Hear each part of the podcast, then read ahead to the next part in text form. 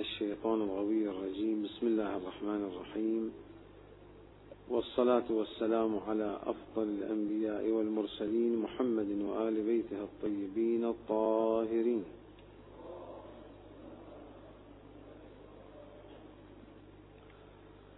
السلام عليكم أيها الحضور الكرام ورحمة الله وبركاته.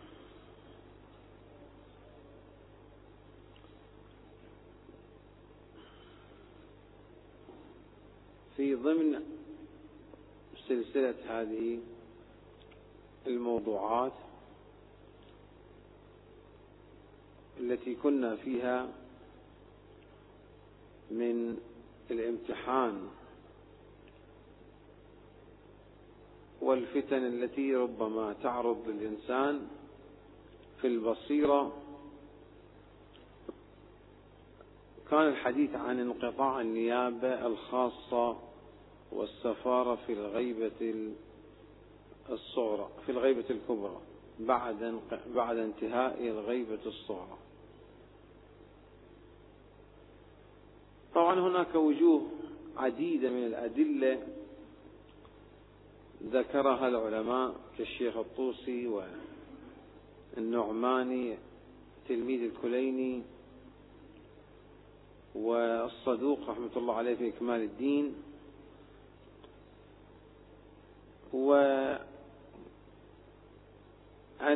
مسألة انقطاع النيابة الخاصة والسفارة في الغيبة الكبرى بات أمرا ضروريا في مذهب أهل البيت. حتى أن الصدوق إنما ألف كتابه إكمال الدين وتمام النعمة يقول في مستهله لأنه طرأت الشبهة على كثير من على جملة يعني من أتباع أهل البيت عليهم السلام. نتيجة هذا الانقطاع يعني انقطاع النيابة الخاصة والسفارة وبالتالي فكيف يكون الإمام عليه السلام آه، إماما يتصدى للأمور وهو منقطع عن آه، شيعته وأتباعه وعن البشرية. يذكر ذلك مفصلا الصدوق الذي توفي بعد خمسين سنة من ابتداء الغيبة الكبرى أو من انتهاء الغيبة الصغرى. لأن الغيبة الصغرى امتدت إلى سنة 329 تقريبا هجرية قمرية. والصدوق كان قد توفي في سنة 380 ثمانين فتقريبا ما يقارب من خمسين سنة خمسة عقود عاش الصدوق بعد انتهاء الغيبة الصغرى. وابتداء الغيبة الكبرى. فالصدوق رحمة الله عليه من العلماء المخضرمين الذين أدركوا شطرا من الغيبة الصغرى وشطرا من الغيبة الكبرى.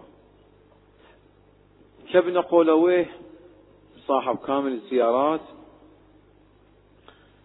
الذي نقلنا فتواه التي نقلها وحكاها الشيخ الطوسي في الغيبة.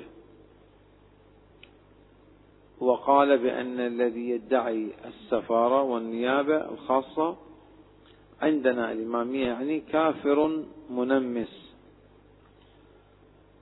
ومرت بنا أنه إما كافر بالإسلام فيما لو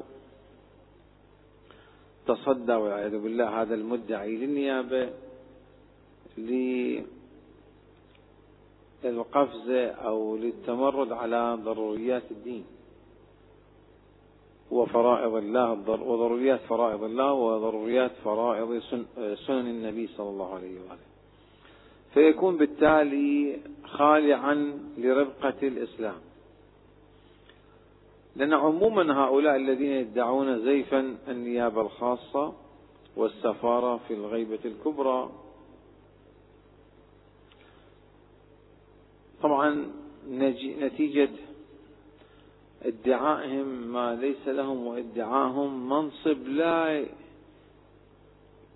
يعلمون مدى حقيقته ومدى خطورته. ومن ثم في الغالب يقعون في خبط وخلط دوما يقعون في خلط ودوم وخبط آه، لا يرجع ولا يرعوي إلى جادة مستقيمة ولا إلى جادة الصواب. نعم. على أي تقدير؟ فإما يكون والعياذ بالله متمردا على ضروريات الدين وسنة النبي وضروريات سنة النبي صلى الله عليه وآله فيكون محكوما بالمروق حتى عن الإسلام. أو في بعض الأطوار وبعض النماذج يكون متمردا على ضروريات سنة الأئمة المعصومين عليهم السلام ومنهاج الأئمة المعصومين. وطبعا من يخرج عن آه، ضروريات منهاج الأئمة وسننهم وطرائقهم يكون مارقا من الإيمان. وإن كان مثلا منتحلا لاسم الإسلام. فإذا هذا الكفر إما مقابل الإسلام أو مقابل الإيمان. ومن الواضح أن هذه الفتوى من أحد زعماء الطائفة وجملة فقهاء الطائفة الإمامية في الغيبة الصغرى وفي الغيبة الكبرى. يعني بات واضحا متسالما لديهم بديهيا هذا الحكم تجاه من يدعي النيابة الخاصة والسفارة. والمقصود طبعا من ادعاء النيابة الخاصة والسفارة كما هو واضح أنه يدعي نحو اتصال وارتباط بالإمام الحجة عجل الله تعالى فرجه الشريف. سواء تسمى باسم النيابة الخاصة والسفير والسفارة أو أو ادعى أني على اتصال أو ادعى أني لدي القدرة على إيصال أي مثلا سؤال أو أي طلب إلى الإمام وعلى مكنة وقدرة من المجيء بالأجوبة منه عجل الله تعالى فرجه الشريف إلى الناس على أي تقدير. واقع. هذا المعنى إذا ادعاه مدع يكون في زيف وبطلان وغرور. لأن هذه الأقنعة أو المدعيات قد تتخذ أسماء مختلفة.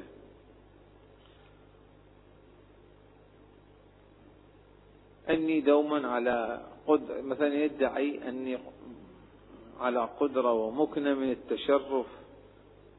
أي وقت شئت أو أي وقت كذا أو في مدة كذا ولما جرب إبراز مثل هذا المدعى يعتبر ويحكم عليه بأنه ادعاء للنيابة الخاصة والسفارة يعني ليس من الضروري في حقيقة ادعاء هذه الدعوة أو في صدق ادعاء هذه الدعوة الزائفة الباطلة أن يصرح بالنيابة أو السفارة كثير من المدعين المبطلين المفترين على حال الكذابين ربما لا يصرح بالسفارة أو النيابة الخاصة أو ما شابه ذلك لكنه يصرح بأمور أخرى.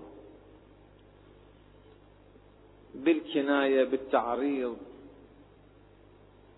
المهم يريد أن يوصل معنى لعموم الناس إني على ارتباط خاص بالإمام.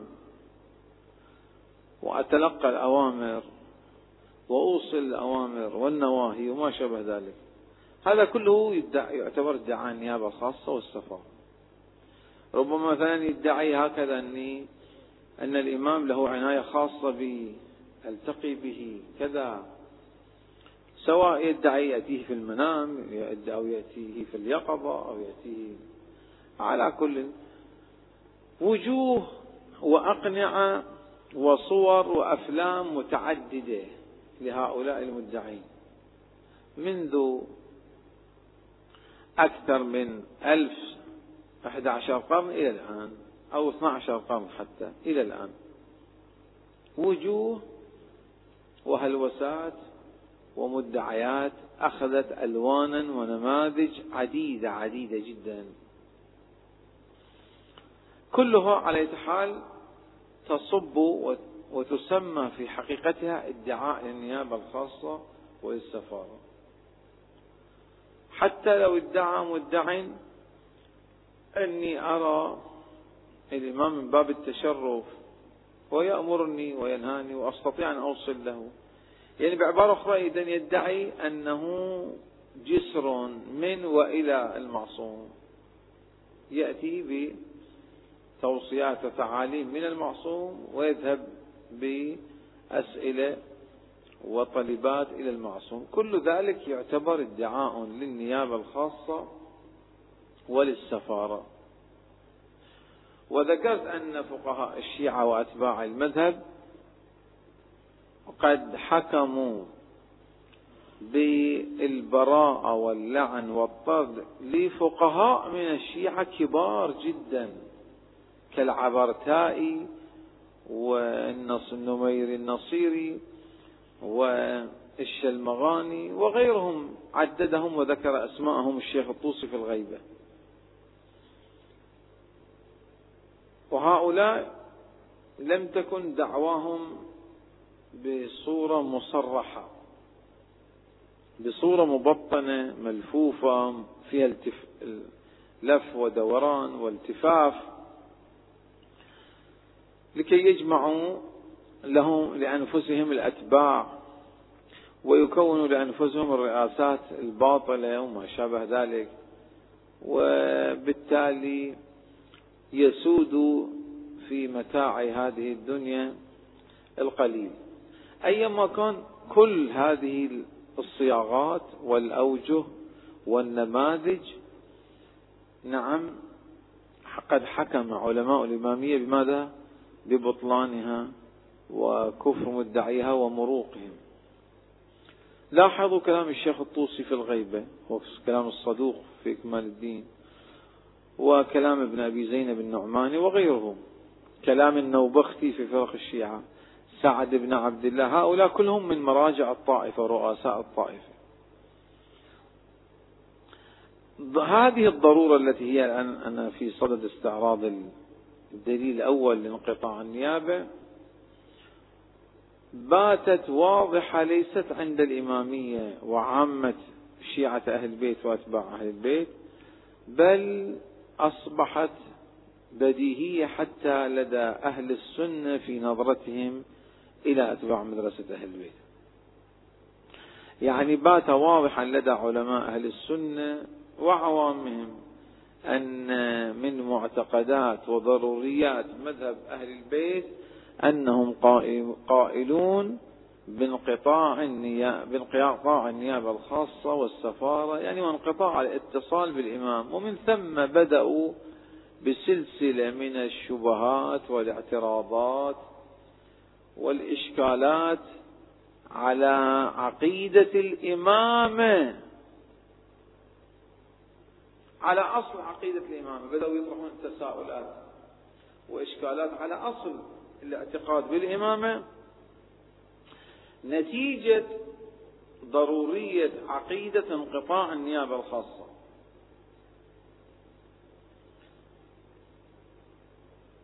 طبعا هذه الإشكالات قد أجيب عنها ودفعت وسنستعرض جملة منها إن شاء الله لكن في هذه الجلسة لكن نحن الآن في صدد بيان أنه الأمر بلغ بمثابة من الوضوح والضرورة والبداهة بحيث ماذا؟ بحيث نفس العامة على اختلاف مذاهبهم على اختلاف مشاربهم بات بديهيا وضروريا عقيدة انقطاع النيابة الخاصة كعقيدة الغيبة عند كعقيدة الغيبة تجاه الإمام المهدي عجل الله تعالى فرجه الشريف. كيف أن عقيدة الغيبة ضرورية؟ الغيبة الكبرى بالتالي. تفسير ومعنى عقيدة الغيبة الكبرى بانقطاع النيابة الخاصة والسفارة أمرين مقرونين إلى بعضهما البعض أمران مقرونان إلى بعضهما البعض. قالها بديهيا وضروريا.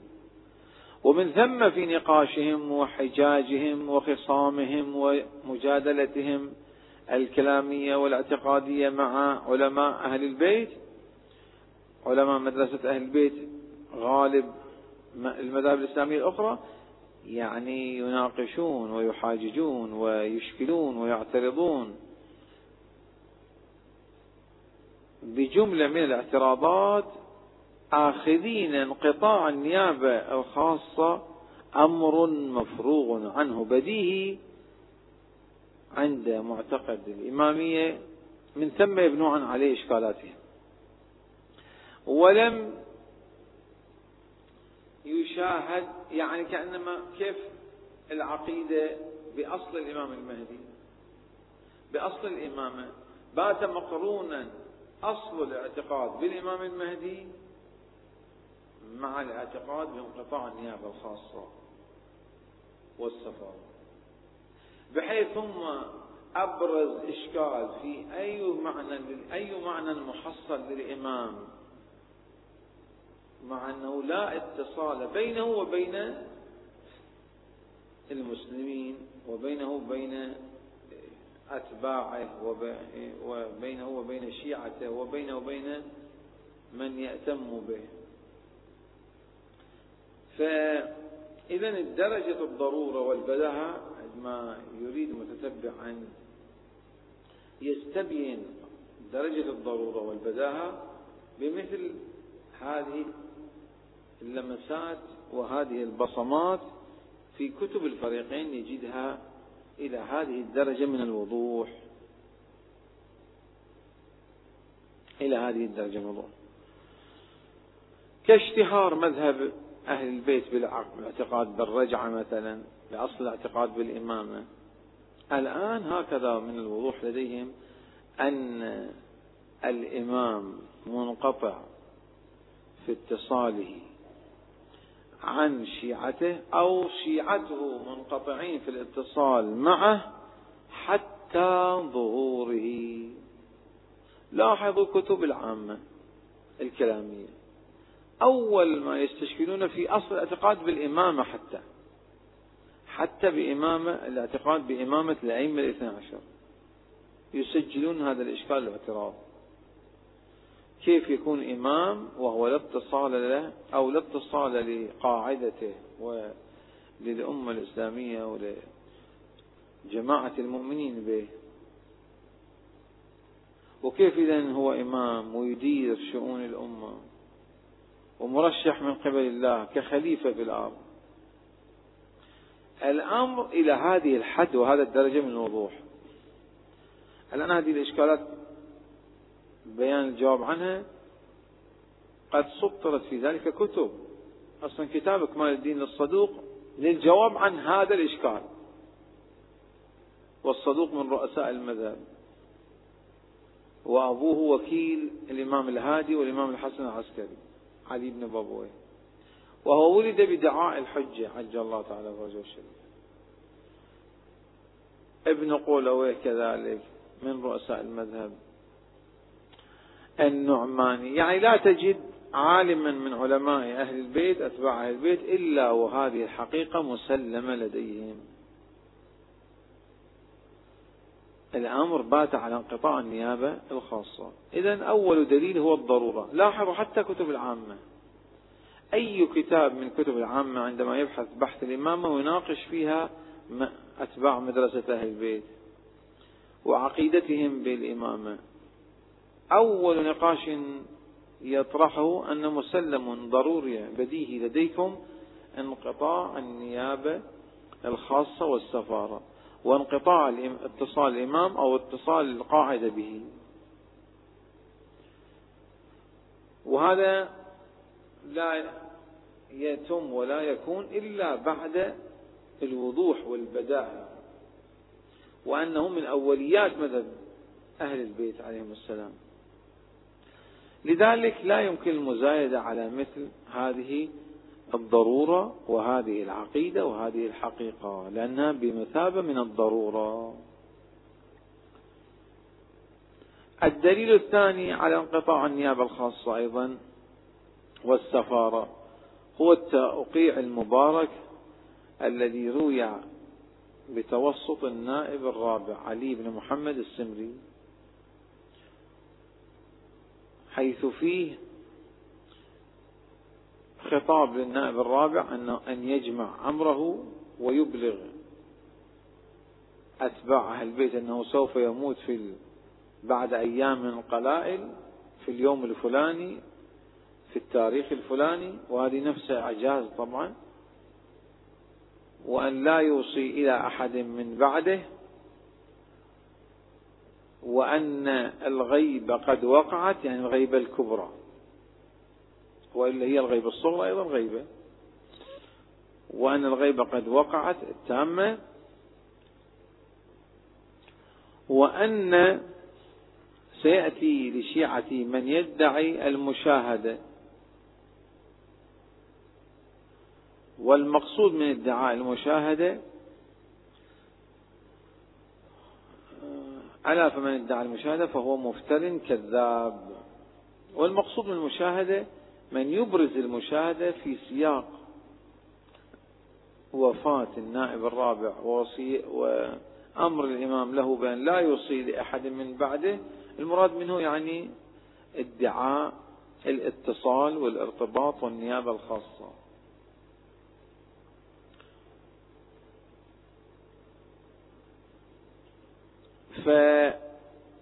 لأنه من يأتي ويبرز المشاهدة لماذا يبرز المشاهدة؟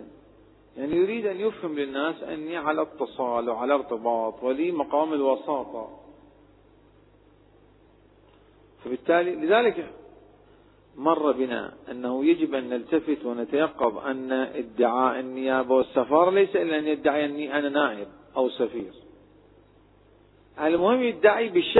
بيدعي شكلا من أشكال الاتصال والارتباط الخاص. بأي لون ما بتعريض تلميح كناية. بس يريد أن يوصل ذلك المعنى أنه جسر اتصال وارتباط مع المعصوم. هذه هي حقيقة دعوة النيابة والسفارة. فإذا من على أنه سيأتي شيعة من يدعي المشاهدة يعني إذا يعني الاتصال الارتباط أنه وسيط من وإلى الإمام. ألا فمن ادعى المشاهدة فهو مفتن كذاب. طبعا هذا غير أصل التشرف. لعل بعض العلماء الأتقياء الصلحاء يتشرف يعني يتشرف في العمر مرة مرتين أو أكثر. التشرف أمر وادعاء منصب ومقام. الوساطة أمر آخر.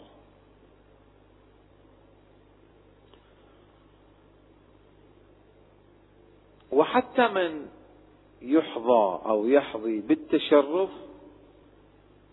لو أبرزه بصيغة المقام والمنصب لكان أيضا كذاب مفتري.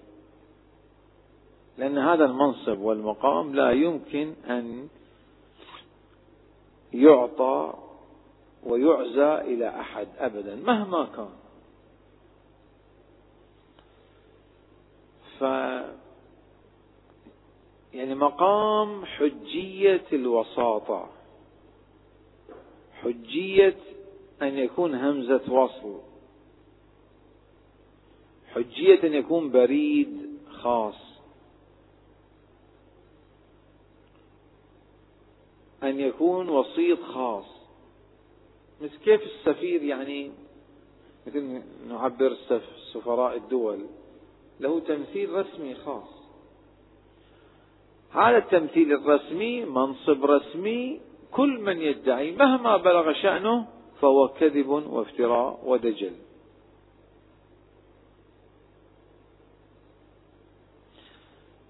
لو افترضنا أن شخص حقيقة تشرف التشرف غير ممتنع. ذكرت مئات و أو آلاف الموارد التي تشرف فيها علماء متقين صلحاء.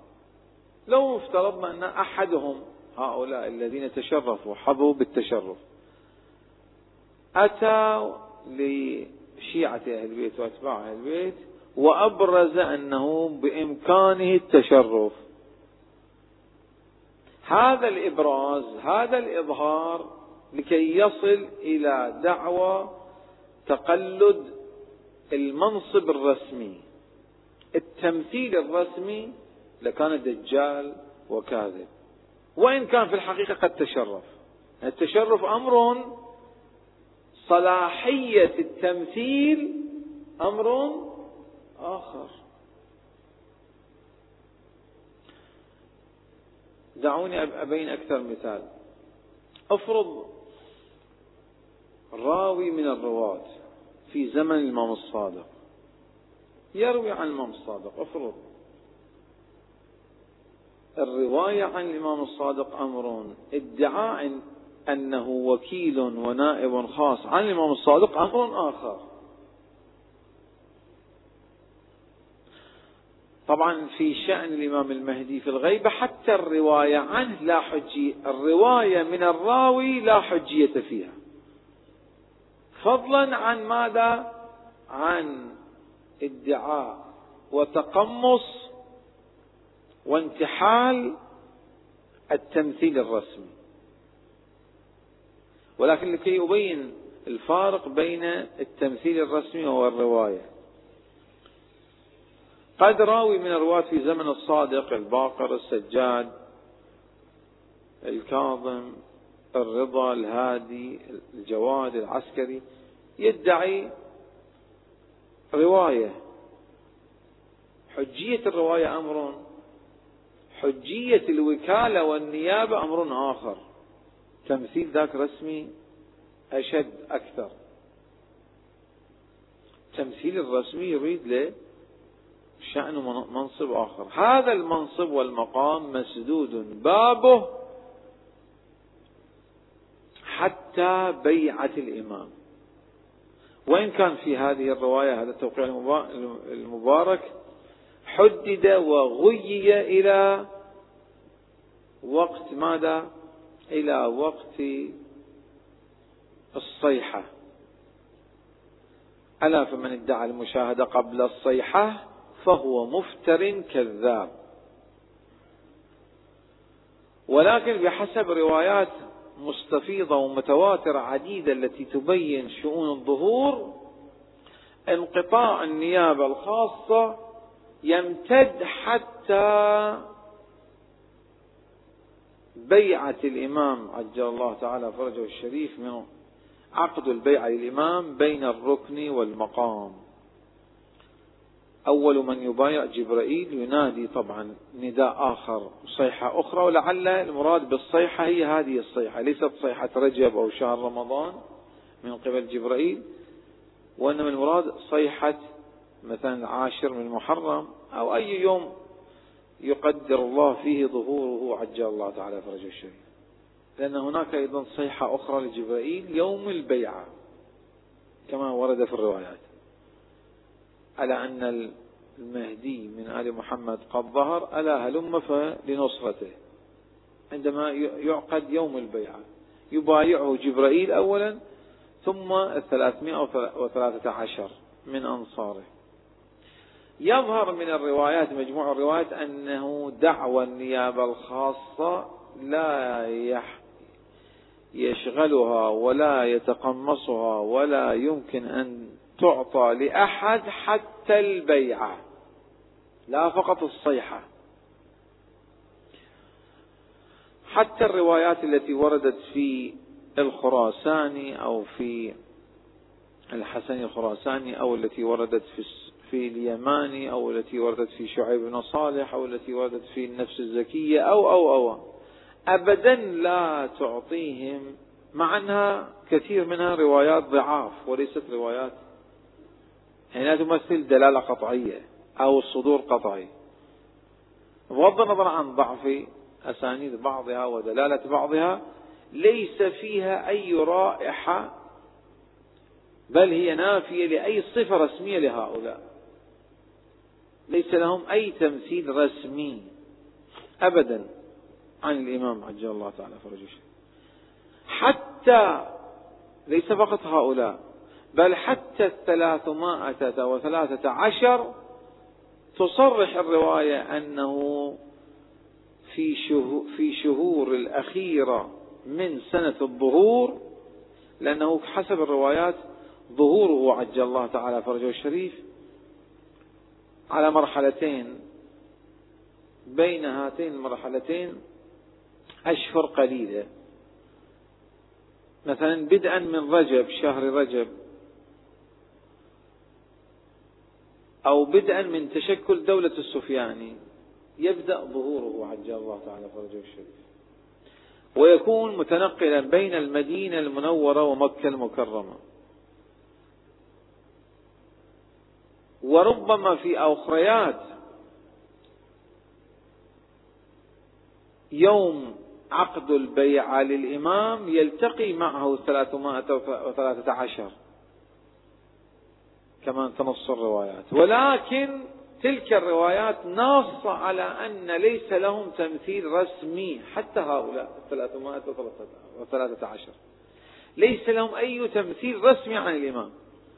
حتى تعقد البيعة ويتشكل الجهاز الرسمي والحكومي للإمام بشكل معلن في العلن وبشكل رسمي وحينئذ تبدأ نعم الأدوار. قبل ذلك أي شخص يريد أن يبرز من أنشطة الإمام عجل الله تعالى فرجه الشريف. أي منصة رسمية كذب. أصلا معنى الظهور دققوا على دليل آخر بعد. غير التوقيع المبارك الذي هو بات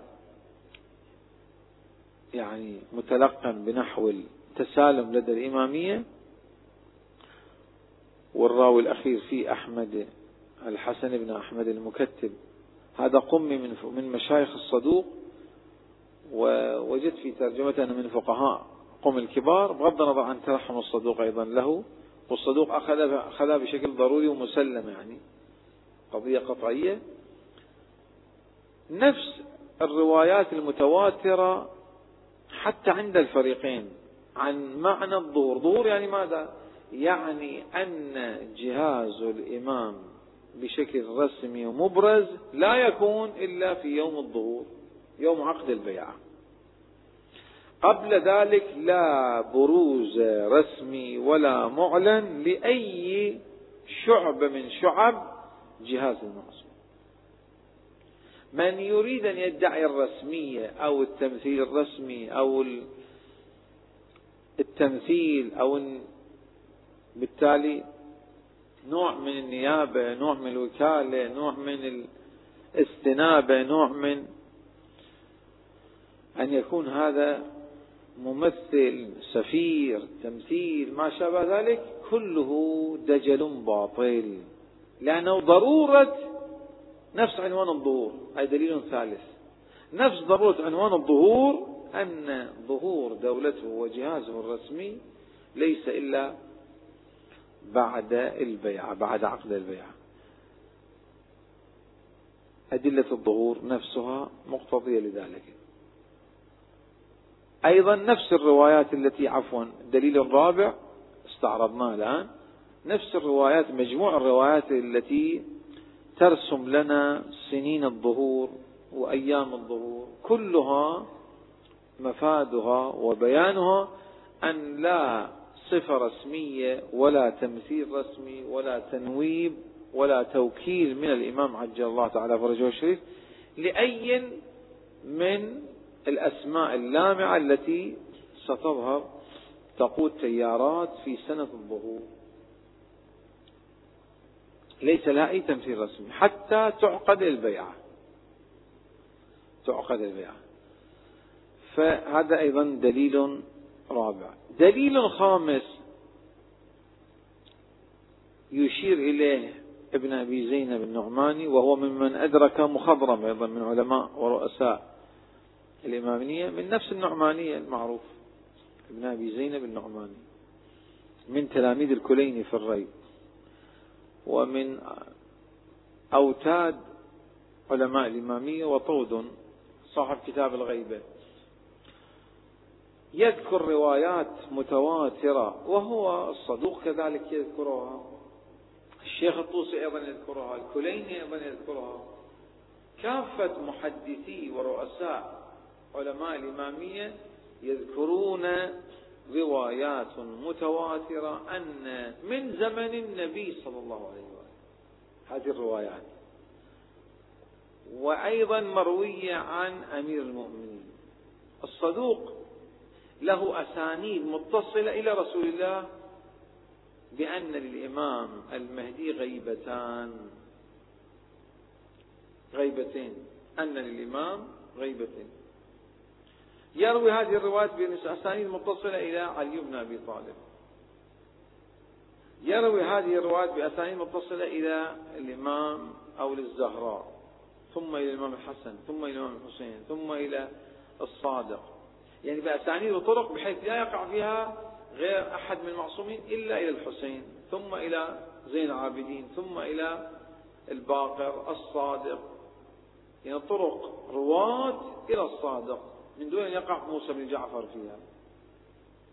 أو إلى السجاد من دون أن يقع الباقر والصادق فيها. ثم يرويها أيضا عن الكاظم موسى بن جعفر ثم يرويها أيضا بطرق أخرى عن الرضا. ثم عن الجواد ثم عن الهادي ثم عن الحسن العسكري. ثم عن نفس الإمام في زمن غيبة الصغرى. يعني عن أربعة عشر معصوم بطرق متعددة عشرات الطرق. تواتر أكثر من هذا بعد أكثر نريده كتاب كمال الدين للصدوق غي أن للإمام غيبتين. غيبتين يعني ماذا؟ غيبتان. غيبة صغرى وغيبة كبرى. غيبة صغرى التفريق بين الغيبتين بماذا؟ ولما تسمى دي كبرى ودي صغرى؟ غيبة صغرى يعني خفاء مو كبير. خفاء أقل. لما لأن له تمثيل رسمي وهو النواب الأربعة السفراء الأربعة. غيبة كبرى تامة كاملة يعني انقطاع تام. وهذه الروايات على حال متكاثرة متوافرة تزيد على درجات التواتر إلى دوائر وسيعة قطعية من التواتر. وأن الغيبة الكبرى انتهاؤها وانقطاعها بالصيحة وعقد البيعة. بالصيحة وعقد البيعة هذا أيضا على حال دليل آخر. خامس. على انقطاع النيابة والسفارة فإذا مجمل الأدلة متوافرة بحمد الله ومتكاثرة وأشرنا إلى العديد من ألوانها وأنواعها في كتاب دعوة السفارة وفي كتاب فقه علائم الظهور و على حال مكتوبات أخرى نشرت. وأشار إليها على حال علماء الإمامية. تستطيعون أن تراجعون إلى كتاب غيبة الشيخ الطوسي غيبة النعماني فرق النوبختي الذي كان مخضرا بعد عاصر الغيبة الصغرى والكبرى. وسعد بن عبد الله الأشعري الذي كان في الغيبة الصغرى وذكر وقوع الغيبة الكبرى. فإذا هذه الأمور بل نص في تلك الروايات التي هي متواترة في الغيبة الكبرى نص على انقطاع الاتصال في الغيبة الكبرى بينه وبين رعيته وشيعته. نص على ذلك في كثير منها. لاحظوها؟ فالقضية إذا باتت بحمد الله عقيدة مهمة وضرورية. ولو أردنا أن نتأمل كيف أن هذه الأمر عقيدة. لما أصبحت عقيدة؟ يعني هذه ليست ضرورة فقهية فقط بل ضرورة عقائدية عقدية اعتقادية. لماذا؟ لأن في الحقيقة مقام حجية النيابة الخاصة والسفارة والتمثيل الخاص وإن كان هو ليس بمعنى العصمة وليس بمعنى الحجية المطلقة محدودة كما مر بنا. ولكنه حيث أن فيه منبع ومصدر للتشريع وللولاية وما شابه ذلك تقمص هذا المكان وهذا المقام أمر خطير. لأنه مصدر رافد للولاية وللتشريع ادعاؤه أمر يرتبط بأصل الاعتقاد بالإمام المعصوم. ادعاؤه يرتبط بأصل الاعتقاد بالإمام المعصوم. دعوني أذكر هذا المطلب. السفارة ما هو معناها السفارة في الحقيقة ليست فقط تنويب وتمثيل.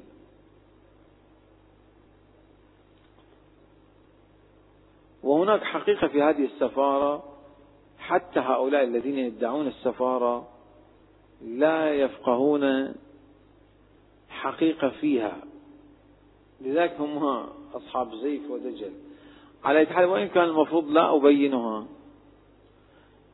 ولكن ليكون الأخوة على بصيرة من ذلك. وربما تصل إلى مسامع بعض من تستهويه نفسه للخوض في الباطل والأضاليل والادعاء هي سوء الاستفادة منها. ولكن التفتوا إليها. السفارة والنيابة تعني ليس ارتباط حسي بالمعصوم وأنه على ارتباط حسا. بل تعني وإنما أنا في صدد كشف هذا المطلب لأن الصوفية والعرفاء تقمصوا مثل هذا المقام بعد. ليس فقط مدعين السفارة من ينصب مثل هذا هذه الادعاءات والزيف. الصوفية جملة منهم أيضا ادعوا هذه هذه المقامات أو بعض العرفاء أو ما شابه ذلك. لأنه التصوف والصوفية جملة معارفهم ونظامهم مقتبس من الفرق الباطنية الشيعية. نشأة تاريخا تولدا هكذا. الفرق الصوفية وفرق العرفاء وكثير من مبانيهم أو لغاتهم ومسالكهم في الواقع متخذة من الفرق الباطنية الشيعية التي غلت أو انحرفت وما شابه ذلك. وتلك قد اطلعت على بعض الأسرار هلم جرا أيما كان معنى السفارة إذا ما هو؟ انظر هذا التعبير في القرآن أو عفوا في الروايات. أن الرسول سفير الله. أو الإمام في الزيارات نقرأ سفير الله. السفير يعني النبي عندما ينقل عن الله عز وجل ليس ينقل بتوسط الحس. إنما ينقل بتوسط ماذا؟ عالم الملكوت. عالم الملكوت. عندما يقول النبي صلى الله عليه وآله وسلم قال جبرائيل عن الله ليس ينقل عن حس. وسماع بدني وإنما ينقل عن ماذا؟ عن طريق الوحي وارتباط ملكوتي ارتباط روحي غيبي الأئمة المعصومون الاثني عشر محدثون نقلهم عندما نقول قال الصادق عن أبيه الباقر عن أبيه السجاد عن أبيه سيد الشهداء عن أمير المؤمنين عن رسول الله عن جبرائيل عن الله أو الرسول عن الله. ليس المراد ها في هذه العنعنة أن المعصومين ينقل أحدهم عن الآخر حسا. هذه العنعنة وهذا الاتصال وهذا الارتباط نظير تحديث النبي أو إبلاغ النبي صلى الله عليه وآله حديثا عن الله حديثا قدسيا يعني بتوسط الارتباط الملكوتي.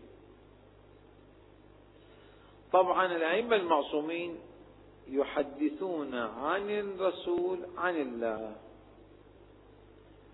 تحديث الأئمة المعصومين عن الرسول عن الله ولو بعد وفاة رسول الله. لماذا؟ لأن ارتباطهم الملكوتي الغيبي الروحي برسول الله لا ينقطع بوفاة سيد الأنبياء.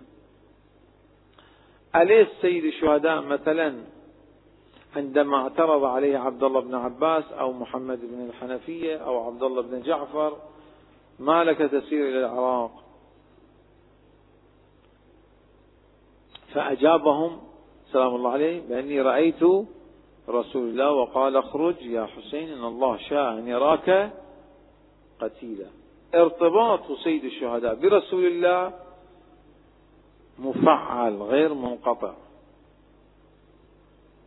عن طريق الملكوت.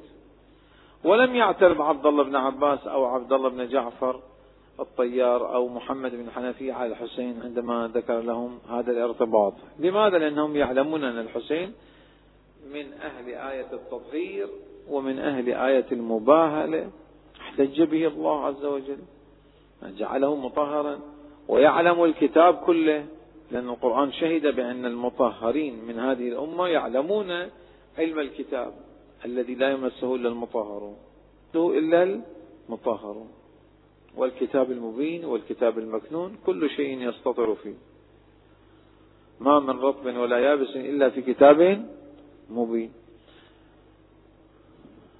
كذلك لما اعترض على سيد الشهداء وما وما لهذه النسوة تصطحبها معك قال إن الله إن رسول الله أخبرني إن الله شاء أن يراهن سبايا.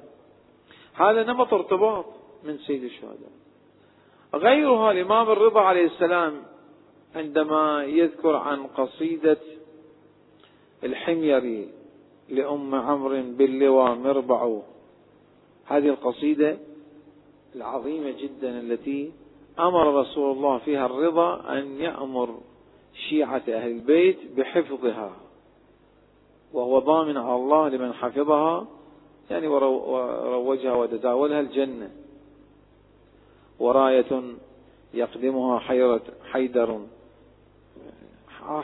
قصيدة عظيمة جدا. زين هذه نقلها الإمام الرضا عليه السلام. الحميري متى ألف هذه القصيدة؟ في زمن الكاظم أو في زمن الرضا. في زمن الصادق عفوا. وأمر رسول الله متى أمر بها؟ أمر أمر الرسول الرضا بعد ذلك. وكثير من الموارد هكذا. في الحقيقة هذا الارتباط المفعل بين الأئمة عليهم السلام ورسول الله وأمير المؤمنين لا ينقطع بانتقال الرسول والأئمة السابقين إلى البرزخ أو إلى الآخرة. لذلك هم سفراء الله. لماذا يعني ينقلون بناء بتوسط الملكوت؟ عندما يقال نائب خاص أو سفير عن الإمام المهدي يعني ينقل بتوسط قناة ملكوتية روحية غيبية عن من؟ عن الإمام المهدي. هذا المراد من النيابة الخاصة. انظروا أنتم في زيارة النواب الأربعة. هذه العبارة رواها الشيخ الطوسي في التهذيب. أشهد أنك يعني من لطف الله بك كذا مضمون الزيارة. قد عاينت النور يعني نور المعصوم. هذه المعاينة ليست معاينة بالحس وما شابه ذلك. معاينة بتوسط القلب والروح. إذا السفارة اصطلاح في الروايات يعبر عن ماذا؟ يعبر عن الارتباط الملكوتي. هذا الارتباط الملكوتي وإن لم يعني أن النائب الخاص معصوما. ذكرت لكم وليس معناه أن حجيته مطلقة كما مر بنا. بل ومر بنا مثال أن ابن أبي زينب أبو الخطاب كان من أصحاب السر وحسب بعض الروايات كان بابا ونائبا خاصا وسفيرا لأنه انحرف فإن لم تدل على العصمة المطلقة والسداد لكن هو مقام خطير. مقام ماذا؟ خطير. ومن ثم هناك إجماع إذن على انقطاع مثل هذا المقام ومثل هذا المنصب. والأدلة متوافرة متكاثرة. ومن ادعاها فهو مفتن كذاب. هنا سؤال أو إشكالات وأدلة هناك أخرى. الآن لا أريد أن أستوعبها كلها لأن ضيق المقام وتستطيعون مراجعة المصادر التي أشرت إليها. فخطورة مثل هذا الادعاء وهذا المقام أمر خطير. يرتبط بأصل العقيدة بالإمام المهدي والاعتقاد بالإمام المهدي. عجل الله تعالى فرجه الشريف. نعم سؤال ربما يطرحه العامة وأهل السنة والآخرون من أهل الملل والنحل الأخرى تجاه مذهب أهل البيت. هذا السؤال ما هو معنى غيبة الإمام؟ الآن مر بنا هذا التفسير معنى غيبة الإمام انقطاع النيابة الخاصة.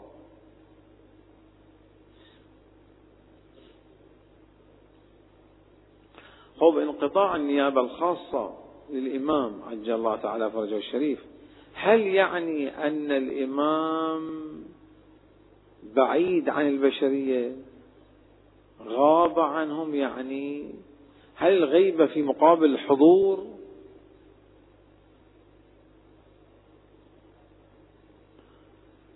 أو الغيبة بمقابل الظهور؟ وما هو الفرق في الغيبة مقابل الظهور أو الغيبة مقابل الحضور؟ متفق روايات أهل البيت المتواترة أن انتهاء الغيبة الكبرى بماذا؟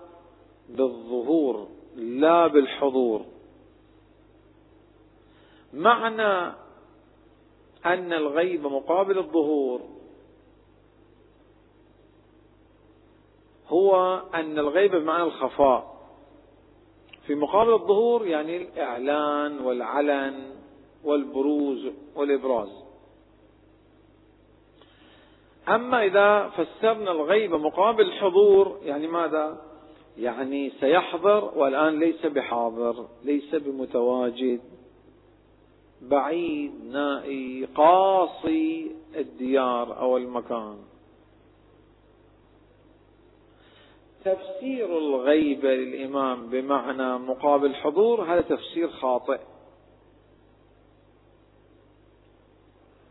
ومن الخطأ أن نعبر أن زمن الحضور أو زمن الغيبة. لا الغيبة ليست في مقابل الحضور. الغيبة في مقابل ماذا؟ مقابل الظهور.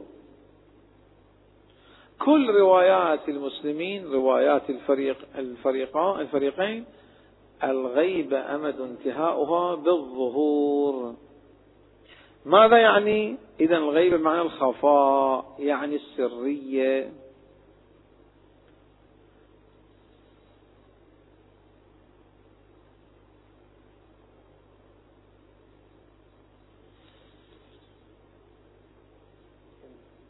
اليوم سيكون إن شاء الله. نعم. نواصل فالغيبة مقابل الظهور. لذلك ذكرت لكم بأن نفس دليل الظهور دليل على انقطاع النيابة الخاصة دليل أنه لا ظهور إلا بعد الصيحة دليل على ماذا؟ دليل على أن انقطاع النيابة الخاصة لما؟ لأن الغيبة مقابل الظهور الغيبة يعني ماذا؟ خفاء خفاء وانقطاع ولا بروز لا بتمثيل ولا بتنويب ولا بتوكيد ولا بتوسيط ولا بواسطة ولا بوصلة أو اتصال الغيبة إذا مقابل ماذا؟ الظهور أنا أستغرب على حال حتى من باحثين استراتيجيين باحثون استراتيجيون غربيون للأسف جملة منهم يفهمون هذا المعنى الخفي الدقيق الخطير. وبعض الكتاب الإسلاميين لا يفهم معنى الغيبة. هذا الباحث الاستراتيجي الخطير المنظر الدولي فرانسوا توال. فرنسي كتب كتابا حول الجغرافيا السياسية للشيعة. الكتاب خطير كلش. منسخة والترجمة إليها الوقوف عليها كان من الصعب. بحوث أن استراتيجية أشبه السرية يذكر أن معنى غيبة الإمام المهدي عند الشيعة بمعنى الخفاء والسرية. ليكون الإمام المهدي أنشط في حيوية الحركة وحيوية تدبير الأمور. في العلوم الاستراتيجية والأمنية السرية رمز ماذا؟ رمز القدرة. السرية رمز القدرة. كل الدول إنما يعني انظر إلى كيف للأسف كتابات من المذاهب الإسلامية الأخرى تستسخف عقيدة الغيبة حتى وكثير من الرايات والجماعات الضالة الجديدة تستسخف معنى الغيبة السرية الكاملة. يعني التي ليس فيها أي نيابة خاصة وأي سفير وأي خزعبلات وادعاءات باطلة. غيبة سرية كاملة في مقابل الظهور. الظهور يوم البيعة. تستسخف هذه العقيدة.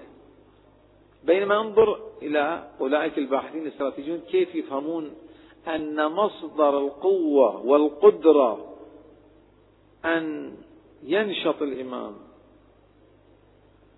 طبعا الآن له أعوان خاصين ليس لهم تمثيل رسمي. في في الروايات لديه أعوان طبعا.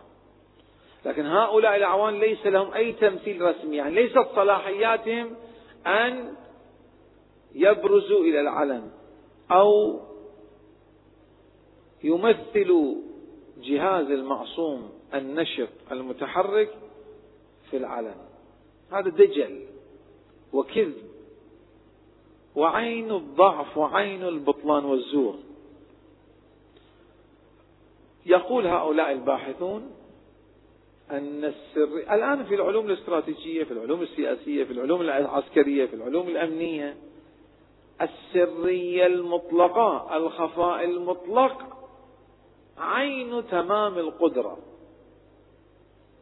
كلما قلت السرية وقل الخفاء كلما قلت القدرة وقلت المقدرة وقلت القوة لماذا؟ لأن الذي هو في خفاء يعيش في سياج وحماية أمنية. لا يمكن أن يصل إلى أحد. لا يمكن أن يصل إلى أحد يعني شنو؟ يعني ليس القضية في فيزيائية أو كما يعبرون لوجستيكية أو حسية أو بدنية. يعني لا يمكن أن يتعرف عليه أحد لكي يقطع عليه الطريق أو يعاوقه أو يواجهه أو يصادمه أو يحول بينه وبين تدبيراته.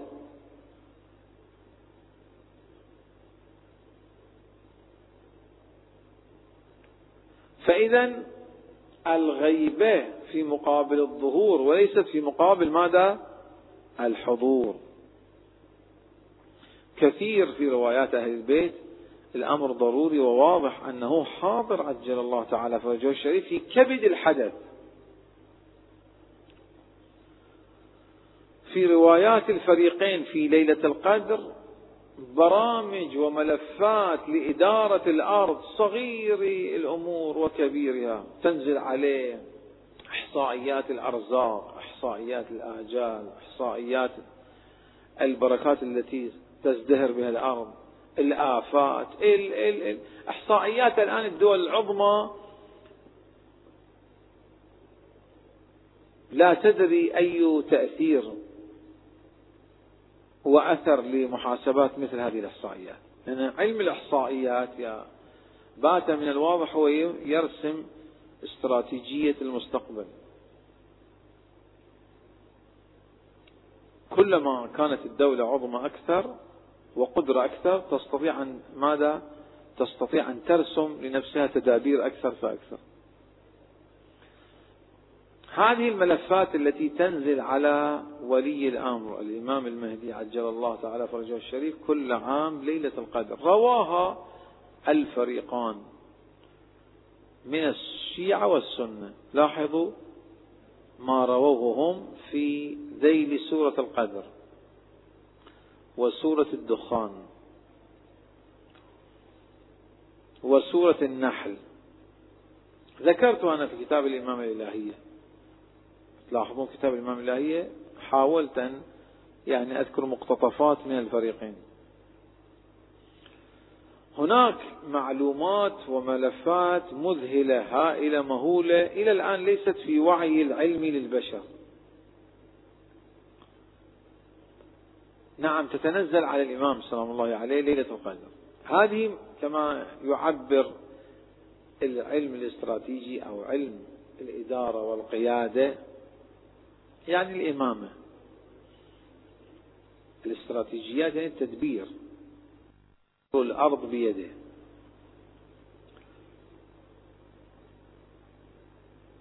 اختراق الأنظمة وما شابه ذلك.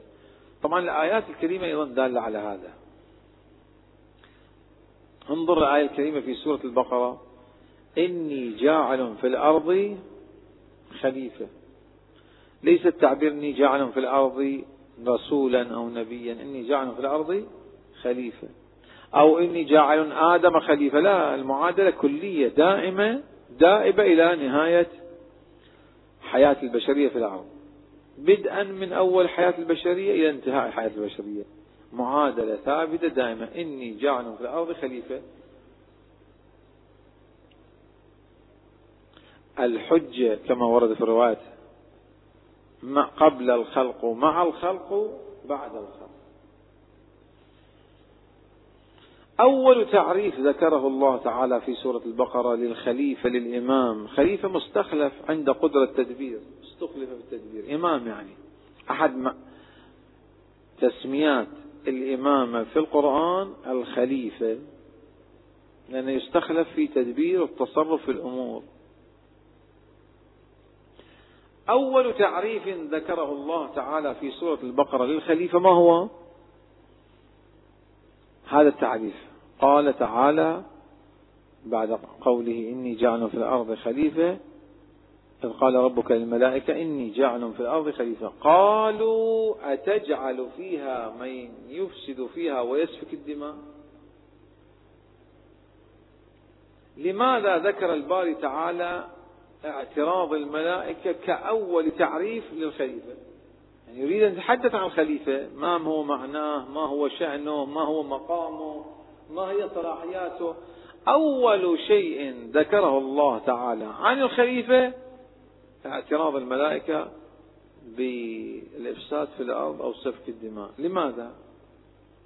يعني يعني من البات من الأمر الواضح قال إني أعلم ما لا تعلمون. يعني ماذا؟ يعني هذان المحذوران اللذان يخشون يخشى الملائكة منهما هذان المحذوران يتم تفاديهما يتم علاجهما يتم درءهما بتوسط الخليفة في الأرض. فأبرز مهمة للخليفة في الأرض ما هو؟ دفع الفساد في الأرض الإصلاح مقابل الفساد. وماذا؟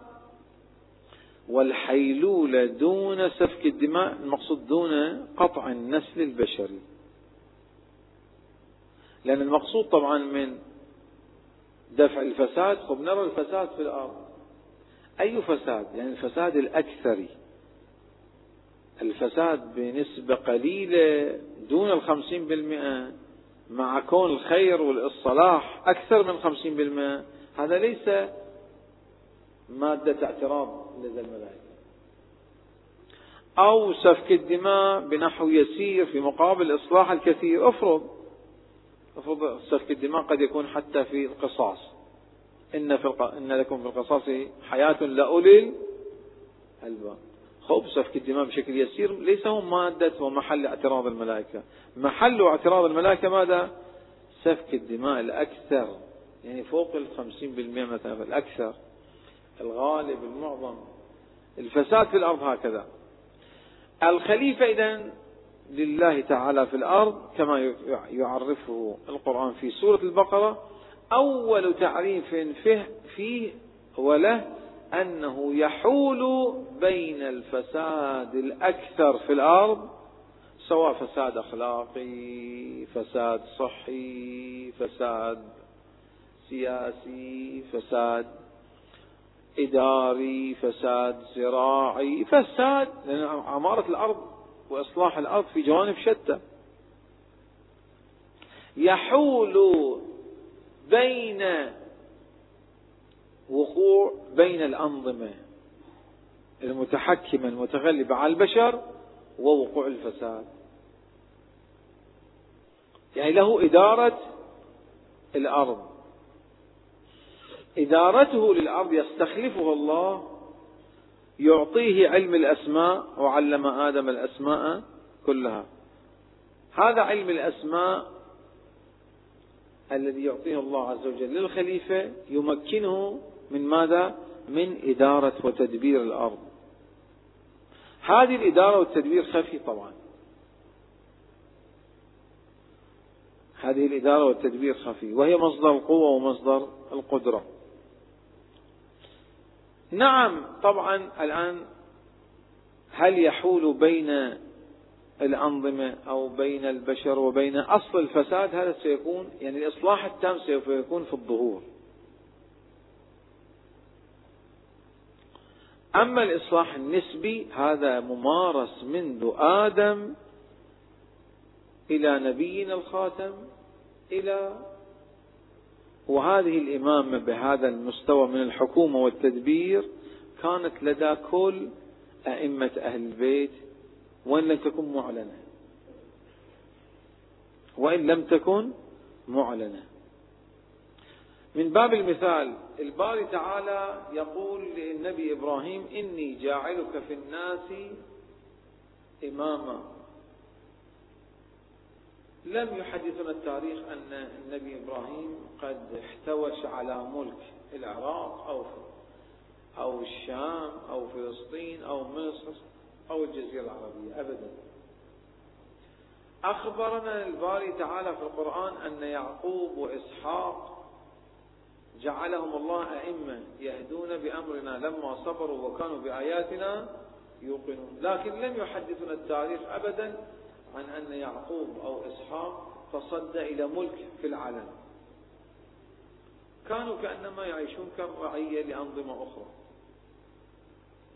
لكن التاريخ نعم سجل لنا هذه اللقطة الخطيرة أن النبي إبراهيم استطاع أن يبدل بلدان وشعوب وأقوام الشرق الأوسط من عباد وثنية إلى ملة توحيدية حنيفية.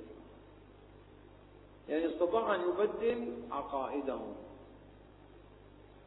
تبديل العقيدة في العلوم الاجتماعية والعلوم السياسية والعلوم الحضارية والعلوم الاستراتيجية تبديل العقيدة ليس من قدرة الحكومات أبدا. لو تأتي خمسين حكومة لتبديل عقيدة شعب ربما تفلح وربما تفشل. لأن العقيدة حكومة فوق الحكومات. استطاعت النبي إبراهيم كفرد يستطيع أن يبدل عقائد الأمم.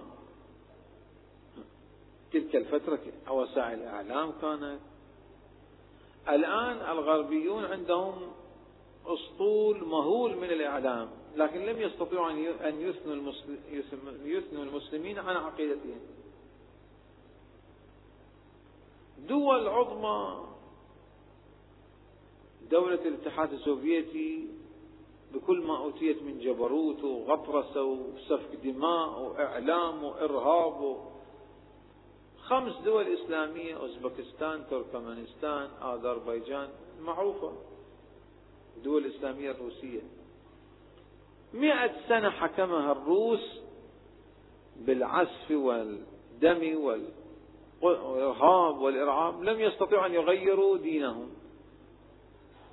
مئة عام. إذا كيف النبي إبراهيم استطاع أن يغير عقائد هذه البلدان الشرق الأوسط من عبدة أوثان إلى عبد إلى ملة حنيفية موحدة؟ هذا ليس في في علم التاريخ أو في علم الحضارات أو في علم الاستراتيجيات أو في العلوم الاجتماعية أو في العلوم الإسلامية. السياسية ليس هذا الأمر صدفة أو اتفاق أو فجأة أو طفرة. هذه آه، مقولات كاسدة. لا بد من هناك من شبكة وإدارة خطيرة كان يتحكم فيها النبي إبراهيم في تلك الشعوب استطاعت أن تقيم وتنجز هذا التغيير العظيم. كذلك النبي يعقوب أو النبي إسحاق هلم جروا لذلك القرآن الكريم يطالعنا على أن للإمامة جهاز خفي. انظر ما يوجد في سورة الكهف. سورة الكهف لماذا سورة رموز كانها لماذا يريد أن يبين لنا الله عز وجل أن الخضر هو في ضمن مجموعة خفية؟ فوجد عبدا من عبادنا آتيناه رحمة من لدنا وعلمناه من لدنا آتيناه رحمة من عندنا وعلمناه من لدنا علما. وببين أن الخضر عنده مأموريات ومهمات يقوم بأدوار لا تنافي ضروريات الشريعة طبعا. كما حدث الخضر النبي موسى أن ما فعلته كله على قسطاس وصراط ماذا؟ الشريعة. اعترض عليه النبي موسى كما مر. وحاججه بضروريات أو بظواهر الشريعة. إلا أن الخضر بين له أني لم أفعل شيء خارج عن الموازين الشرعية أبدا لكن بصورة خفية. خفاء لا يعني هلوسة و وانفلات وإباحية أعوذ بالله لا. خفاء يعني إقامة موازين الشرع وأحكام الشرع لكن بصورة ماذا؟ سرية. من دون أن يعاوق الظالمون أو المفسدون أو أهل البغي أو أهل الفجور أو أهل الانزلاق من دون أن يعارضوا هذا مد التقى ومد الصلاح. لأن السرية يعني استباحات المحرمات والتلذذ بالفحشاء وانتهاك الحرمات. هذه على حال من جماعات الشيطان وحزب الشيطان. ليست من جماعة سبيل الله تعالى. لماذا يحدثنا إذا القرآن الكريم في سورة الكهف عن الخضر أن هناك مجموعة إلهية؟ لكي يبين الباري تعالى أن الإمام في الأرض في الواقع له مثل هذه الأعوان والأنصار. لكن نكتة مهمة. إذا معنى الإمامة الغيبة مقابل الظهور يعني خفاء السرية. لا الغيبة مقابل الحضور. غيبة مقابل الحضور يعني ماذا؟ يعني هو نائي قاصي ليس متواجد في الساحة وفي كبد الحدث. ليس بحاضر بعيد يعني. مقابل الحضور يعني بعيد. كثير من في الكتابات الإسلامية للأسف يقولون زمن في زمن الحضور. لا ما في زمن حضور. هو دائما حاضر الأئمة أئمة أهل البيت دوما حاضرين. الصحيح عقائديا التعبير زمن الظهور أو زمن الغيبة لأنه زمن الحضور. هو زمن كيف زمن الحضور يقابل الظهور؟ الظهور يعني ماذا؟ يعني كشف خفاء. كان متواجد فيما بين أظهرنا وفي كبد ساحة الحدث إنه لأنه ليس بظاهر. غيبة خفاء وسرية واستتار. لا غيبة ابتعاد أبدا. حاشا وكلا. هذا إذا معنى اعتقادي مهم. ومن ثم تبطل كثير من إشكالات المذاهب الإسلامية الأخرى على مدرسة أهل البيت. يظنون أن معنى الغيبة مقابل ماذا؟ بمعنى أنه نائي قاصي لا يتحمل المسؤولية مجمد في الثلاجة أو في الفريزر أعوذ بالله. في زمن الظهور يسخن دوره. يفعل. لا ليس هذا هذا اعتقاد غير غير صحيح. لولا الحجة لساخت الأرض. لولا الحجة لساخت الأرض يعني أجازا أبى الله أن يجري الأمور إلا بأسبابها. يعني لولا تدبير الحجة وحيلولته بالتدبير وبالمعلومات التي تتنزل عليه من الله عز وجل وأعوانه وأنصاره لكانت الأرض تنزلق في الفساد الصحي الفساد البيئي الأمراض الفتاكة تهتك تفتك بالبشرية. الآن كثير من الأنظمة والقوى العظمى لا تستطيع أن تحول بين انتشار وباء قد يعصف بكل البشرية. فمن الذي يقف أمامه؟ هم غارقون في غفلتهم. مهما تطورت من عندهم من من علوم وآليات صحية وغير ومختبرية تهاجمهم الأمراض كأنما كجيوش لا يستطيعون التصدي لها. من الذي يقف أمام مثل هذا الفساد؟ البيئي الفساد الصحي الفساد الزراعي. الكوارث التي قد تقطع النسل البشري أو النسل الزراعي أو النسل الحيواني أو النسل الهوائي مقابل التلوث الهوائي مقابل مقابل مخاطر عجيبة تحدق بالبشرية. هؤلاء يجربون الكيمياء والفيزياء والتجارب كالطفل الذي لا يدري ما هي تداعياته ونتائجه. ثم يقول أوه ثقوب في غطاء والآزون أو غيره تداعياته خطيرة. ثم يلتفتون إليه. يعني مثل الذي يفجر شيء ولا يدري ما, ما هي تداعياته.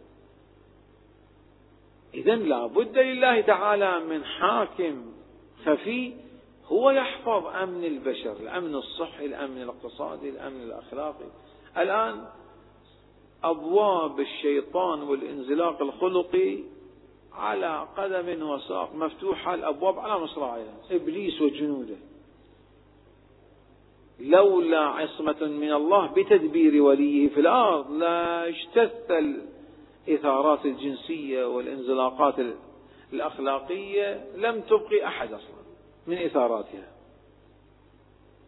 من الذي يحول بين ذلك؟ هذه الأنظمة هي أنظمة مغلوبة على أمرها حتى القوى العظمى بل هي تؤجج نار الفحشاء وبركان الفساد. هذه الفرق الضالة التي تدعي زورا الاتصال بالإمام المهدي وما هي هي كثير منها تستبيح المحرمات. وغارقة في الانزلاق أكثر. من الذي يحول؟ إذا ظواهر عجيبة في الغرب الآن هم يشاهدونها. يشاهدون أن تفشي الإسلام في الغرب في أمريكا في مكانات كثيرة بصورة غريبة الآن. نقمة الشارع الشعبي الغربي تجاه أنظمته تجاه إسرائيل تجاه النظام الأمريكي إحصائيات سجلوها في العام الماضي وقبله. ذهلتهم. ظنوا بأن بعض الفضائيات الإسلامية هي التي تؤثر. أغلقوها. هذا مو منطقي. مقابل سيل من الفضائيات لدى الأنظمة الغربية كيف تؤثر على الشعب الغربي؟ ظنوا أن الجاليات الإسلامية القليلة المغلوب على أمرها هي التي تؤثر. أنه كيف الجاليات الإسلامية تؤثر؟ يشاهدون بصمات آثار ولا يدرون من المؤثر. هي هذه السرية. لكن التفتوا جيدا. من ثم سيل من الإشكالات والاستفسارات عن معنى عقيدة الإمامة والعقيدة بالإمام المهدي وإمامة الإمام المهدي. كيف تكون يعني في الغيبة؟ ليس بمعنى الجمود وليست بمعنى الإقصاء له أعوذ بالله. هو ولي الأمر. الفقهاء أو غيرهم من النواب بالنيابة العامة بإذن من الأئمة عليهم السلام إنما هم نواب عن ولي الأمر. نواب عن الإمام المعصوم عجل الله تعالى فرجه الأمر الذي يتنزل ملكوتيا أمر ملكوتي إنما أمره إذا قال لشيء كن فيكون. هذا وليه الإمام المهدي صاحب العصر والزمان. ولي أمر المسلمين هو عجل الله تعالى فرجه الأمر تنزل الملائكة والروح فيها بإذن ربهم من كل أمر ليلة القدر. أيضا في سورة النحل أو في سورة الدخان حاميم والكتاب المبين إنا أنزلناه في ليلة مباركة إنا كنا منذرين فيها يفرغ كل أمر حكيم أمرا من عندنا إنا كنا مرسلين. رحمة من ربك إنه هو السميع العليم. فيها يفرغ كل أمر حكيم. ولقد أوحينا إليك روحا من أمرنا. روح القدس. يسألونك عن الروح قل الروح من أمر ربي. هذا الأمر يعني أمر الملكوت. قدرة الملكوت وليه صاحبه. أطيعوا الله وأطيعوا الرسول وأولي الأمر. أمر أمر الملكوت الذي بتوسطه يستطيع أن يدير الأرض. إنما أمره إذا أراد لشيء أن يقول له كن فيكون. هذا أمر الملكوت روح القدس. من صاحبه؟ من وليه؟ الإمام المهدي عجل الله تعالى فرجه هذا الأمر الذي إني جاعل في سورة البقرة. إني جاعل في الأرض خليفة. قالوا أتجعل فيها من يفسد فيها ويسفك الدماء؟ بعد ذلك وإذ قال ربك للملائكة اسجدوا. اسجدوا لآدم. اسجدوا يعني ماذا؟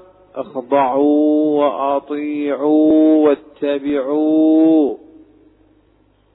اسجدوا يعني ماذا؟ في سبع سور تعرض القرآن الكريم إلى أن الملائكة خاضعون متبعون للخليفة.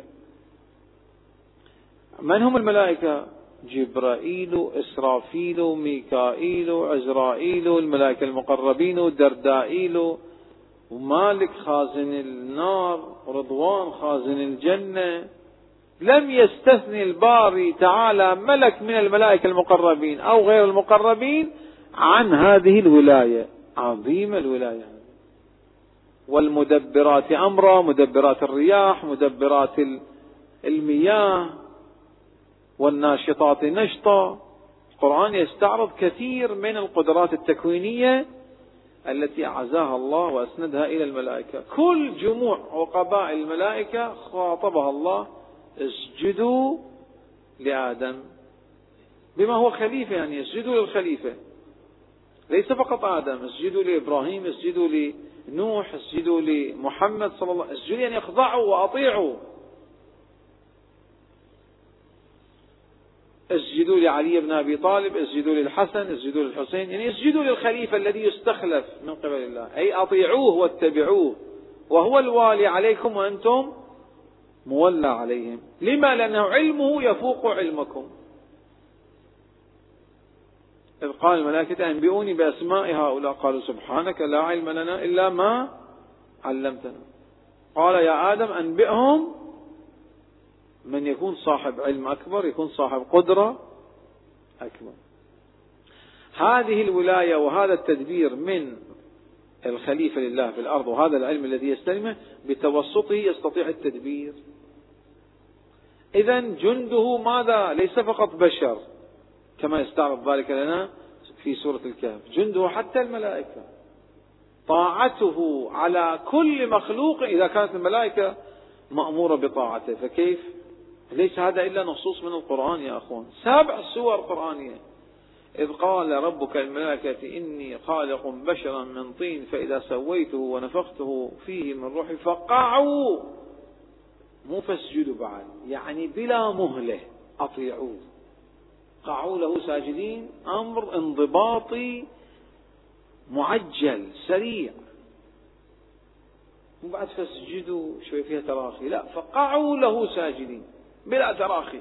هي القدرة لخليفة الله في الأرض ليست لآدم فقط إنما آدم أول النموذج النمو السلسلة أول النماذج أول نموذج. هذه القدرة يستطيع بتوسطها الإمام المهدي نعم يدير ويدبر الأرض. لكن هنا نكتة مهمة. إذا جملة من الإشكالات كل الإشكالات التي تعنون من قبل الملل والنحل والمذاهب الإسلامية الأخرى عن عقيدة الشيعة بالغيبة غيبة غيبة غيبة غيبة في مقابل الظهور. هي غيبة خفاء سرية وليست غيبة ابتعاد وليست غيبة إقصاء ولا مزايلة عن كبد الحدث. ولا مراوحة ولا ابتعاد ولا نعي ليس بنائي. بأبي من مغيب لم يخلو منا حاضر. عدة فقرات في دعاء الندبة نفس تأكد عن نفس المعنى. حينئذ إذا جملة من الإشكالات وإن كنت أنا لست في صددها جملة من الإشكالات على عقيدة الغيبة أي انقطاع النيابة الخاصة. والسفر كلها تدفع. لماذا؟ لأنه ليس معناته جمود المعصوم عن تدبير الأرض أبدا تدبير الأرض وهذه العقيدة ليست فقط في الإمام المهدي في الإمام الحسن العسكري والهادي. مثلا قد يقول القائل منا أو من غيرنا أن علي بن أبي طالب جلس في البيت 25 سنة. شنو جلس في البيت؟ الإمام جليس البيت. خلق الله يكون جليس البيت. الإمام يدير. له أنماط من الحكومات أشكال من الحكومات أساليب من النفوذ. ومن أعظمها الحكومات الخفية. في كل حياة المعصومين لاحظوا لهم تدبيرات سرية خفية. موسى بن جعفر وهو في السجن له تدبيرات. وفي موارد يطوي الأرض ويأتي بتلك التدبيرات. الرسول صلى الله عليه وآله وسلم الآن أقرأ في دعاء الندبة وغيرها من الروايات أوطأته مشارق الأرض ومغاربها سفرات الرسول الرسمية إلى وين؟ أقصاها إلى الشام. أليس وكيف وطأ مشارق الأرض ومغاربها؟ هذا بتدبيرات الخفية للرسول حتى قبل بعثته رسولا وهو كان نبيا لنا وكان إماما. إمامة الرسول لم تتأخر إلى سن, سن الأربعين. نبوة الرسول لم تتأخر إلى سن الأربعين. بعثة الرسول الرسمية تأخرت إلى الأربعين. إمامة النبي إبراهيم إمامة النبي نوح إسحاق يعقوب. الإمامة لا تخلو منها الأرض. هذه إذا العقيدة مهمة وعميقة وخطيرة. الآن لست أنا في صدد الخوف فيها تفصيلا لكن أريد أن أبين هذه النكتة. هذا هذا العقيدة وللمعتقد أن الغيبة مقابل الظهور يعني انقطاع نيابة خاصة. ليس بمعنى أن يأتي هذا إذا لا نفرط في هذا المعنى من العقيدة لكن أيضا لا نغلو في هذه العقيدة. يعني ماذا لا نغلو؟ يعني لا يأتي متقمص منتحل كذاب دجال مزور ذوي ألأعيب ويدعي أن لي تمثيل رسمي عن هذه الشبكة للإمام أو عن هذه أنا عضو من أعضاء الجهاز المعصوم الإمام هذا كذب وزور. وكيف يكون هذا الجهاز السري وهو الغيبة في مقابل الظهور؟ يكشف نفسه. أنت رأيت عنصر أمني خفي. وأمان عنصر أمني إلهي مو بشري. عنصر أمني إلهي. يكشف السر الإلهي. هذا هذا أول دجل وكذب يفضحه. هؤلاء الأوتاد أو الأبدال أو كذا لو شم منهم رائحة النشاط الإلهي أتاهم عزرائيل وأطلق عليهم ماذا؟ نزع أرواحهم أطلق عليهم رصاصة الموت. يحدثنا التاريخ كثير في كثير من الأوتاد والأبدال ما أن حصلت نوع من ربما الريبة حوله يأتيه يوافيه الأجر بسرعة. لماذا يصفى؟ لأنه هو طبيعة النظام الأمني هكذا أنه أي عنصر يبرز لابد من تصفيته لابد أن يأتي أزرائيل ويصفي. ما في كلام. الذي يدعي أنه هو يبرز ما هذا أول الدجل. ترى سرية وغيبة وخفاء مع علن هذا هو أول مسرحية آه، العين ودجل وزن كيف يعني السرية وهو يبرز نفسه؟ غيبة في مقابل ظهور. أصلا نشوف كما مر بنا في هذه الأدلة من انقطاع النيابة الخاصة. غيبة مقابل ظهور يدعي علن لا الظهور نسبي ودوائر السرية مختلفة وشعب إدارية فيها وأنا حين بدأت أمثل تسمية أضحوكات يستغفل فيها ويستهجن بها الحماقات هنا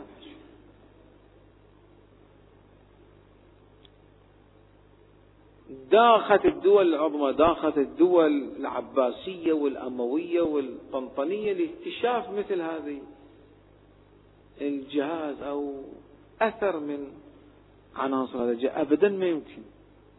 انظر النبي موسى لما أراد أن يلتقي مع الخضر الذي هو من عناصر هذه الشبكة. لم يلتقي به في البيت الفلاني الأرض الفلانية البلد الفلاني. أعطاه الله شفرتين. شفرة ذكرت في القرآن وشفرة أخرى ذكرت في الروايات. نبي من أولي العزم لا يستأمنه الله. نعم دي شبكة خطيرة. نبي من أولي العزم لا يستأمن بها. إلا بدقة. فكيف بأحد الناس؟ عجيبة غريبة. ما هي الشفرة؟ قال لفتاه آتنا غداءنا لقد لقينا من أمرنا هذا نصبا. قال أرأيت إذ آوينا إلى الصخرة فإني نسيت الحوت. واتخذ سبيله في البحر. نعم. قال هذا ما كنا نبغي. هي هذه العلامة. أن يضيع من عندنا السمك. علامة أعطاها الله عز وجل لموسى. إذا ضاع السمك منك ستلقى ذا العنصر الإلهي في الشبكة الخفية. والعلامة الثانية يكون مغطى هو بلحاف مستلقي. قال هاي العلامتان حصلتان فرأى الخض قال هل أتبعك؟ قضايا أمنية خطيرة إلهية سر الله. الذي تعجز عنه الدول والشبكات الخفية والمافيوية وكله. ما يمكن أن يخترقون.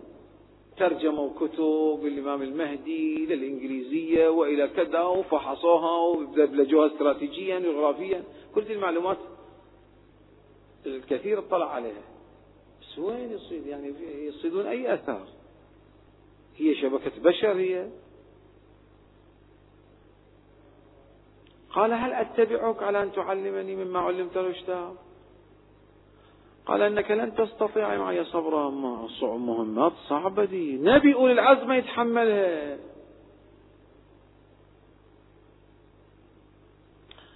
قال فإن اتبعتني فلا تسألني عن شيء. الأمور الأمنية ما فيها سؤال واعتراض وضوضاء. فيها تنفيذ بعد ذلك فيها تفسير. وإن كان ضمن الضوابط والضرورات لا تخرج عن الضرورات. قال ستجدني إن شاء الله صابرا ولن أعصي لك أمرا.